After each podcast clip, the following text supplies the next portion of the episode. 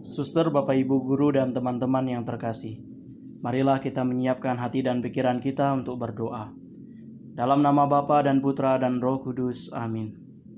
Ya Tuhan, kami sungguh bersyukur atas kasih karuniamu yang selalu Engkau berikan kepada kami hingga saat ini. Kini kami mohon kepadamu, semoga Engkau mencurahkan rahmatmu kepada kami, agar kami dapat mendengarkan sabdamu dengan baik. Sebab Engkau Allah kami kini dan sepanjang masa. Amin. Inilah Injil Yesus Kristus menurut Markus. Dimuliakanlah Tuhan. Lalu Yesus berangkat dari situ dan pergi ke daerah Tirus. Ia masuk ke sebuah rumah dan tidak mau bahwa ada orang yang mengetahuinya, tetapi kedatangannya tidak dapat dirahasiakan. Malah seorang ibu yang anak perempuannya kerasukan roh jahat segera mendengar tentang dia, lalu datang dan tersungkur di depan kakinya.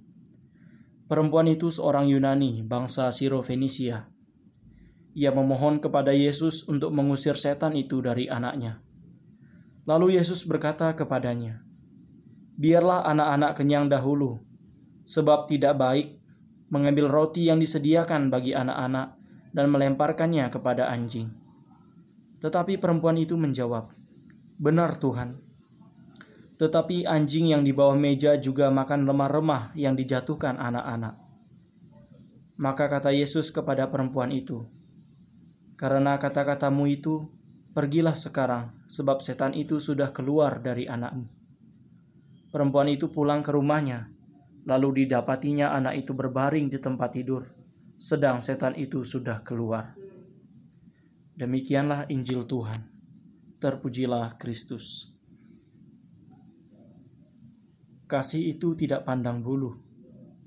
Kasih itu tidak pernah memandang suku, ras, golongan, maupun agama.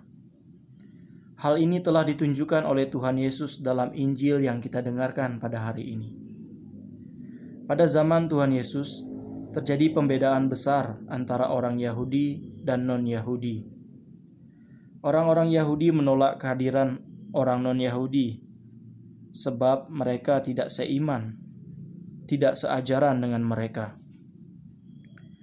Pada hari ini, Tuhan Yesus menolong seorang perempuan Yunani yang kita ketahui berbeda identitasnya dengan Tuhan Yesus.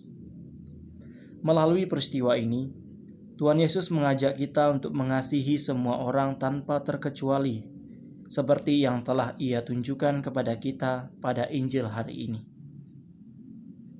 Saudara-saudari yang terkasih, Kasih Allah itu universal. Kasih Allah tidak pernah diberikan hanya kepada kelompok-kelompok tertentu. Kasih Allah hanya diberikan kepada mereka yang rendah hati dan mau menerima Allah dalam hati mereka. Tuhan memberkati. Amin. Ya Tuhan, penuhilah kami dengan kasih-Mu, serta ajarilah kami untuk mau mengasihi Dikau dan sesama Demi Kristus Tuhan dan pengantara kami. Amin. Dalam nama Bapa dan Putra dan Roh Kudus. Amin.